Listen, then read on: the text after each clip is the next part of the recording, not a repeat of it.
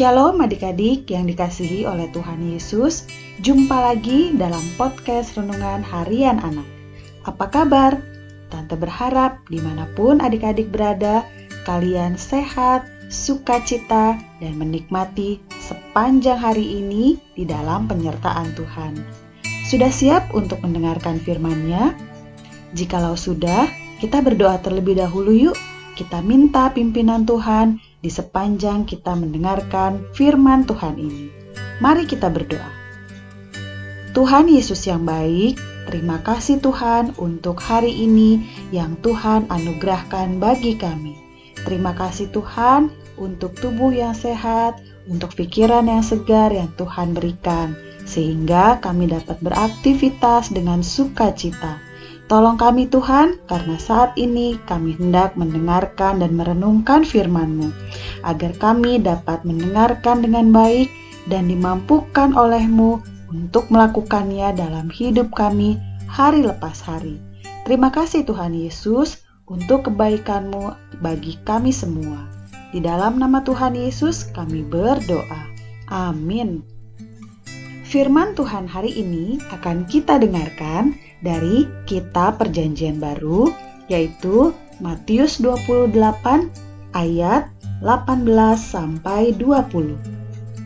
Matius 28 ayat 18 sampai 20. Tante akan menuturkannya untuk kita semua berdasarkan terjemahan baru 2. Beginilah firman Tuhan. Yesus mendekati mereka dan berkata, Kepadaku telah diberikan segala kuasa di surga dan di bumi. Karena itu, pergilah, jadikanlah semua bangsa muridku, dan baptislah mereka dalam nama Bapa dan Anak dan Roh Kudus. Dan ajarlah mereka melakukan segala sesuatu yang telah kuperintahkan kepadamu. Ketahuilah, aku menyertai kamu senantiasa sampai akhir zaman. Demikianlah firman Tuhan. Adik-adik, renungan kita hari ini kita belajar tentang seorang tokoh. Namanya Paulus Tosari.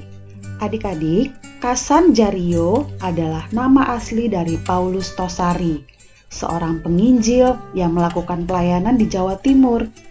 Tosari adalah murid dari Konrad Lawrence Cullen seorang misionaris berdarah campuran Rusia dan Jawa.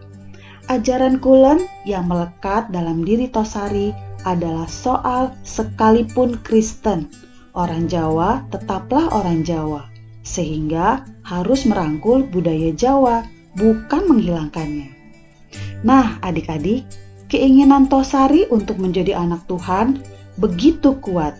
Dia meminta Kulen untuk membaptis dirinya tapi Bapak Kulen tidak memiliki hak untuk melakukan pembaptisan karena beliau hanyalah seorang misioneri. Maka Tosari pergi ke Surabaya adik-adik menemui pendeta Johannes MD dan dibaptis pada tanggal 12 September 1844. Oh iya adik-adik, kalian sudah dibaptis belum? Nanti tanya papa dan mama ya. Nama baptis Tosari adalah Paulus. Adik-adik, Tosari mengabarkan Injil menggunakan wayang kulit sebagai alat untuk menyebarkan ajaran Kristen. Selain itu, dia juga menggubah puisi panjang dalam bahasa Jawa. Peninggalan Paulus Tosari yang utama adalah Gereja Mojowarno. Kalian pernah ke sini belum? Gereja ini diresmikan pada tanggal 8 Maret 1881 dan bersama gereja 29 lainnya kemudian menjadi Gereja Kristen Jawi Wetan atau GKJW.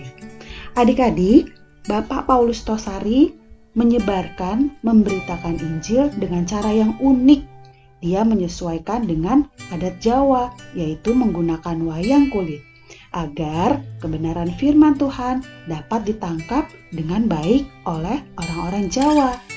Nah, kita juga mau belajar yuk, seperti Paulus Tosari yang menyerahkan dirinya untuk dipakai Tuhan, memberitakan firman, memberitakan Injil di tanah Jawa.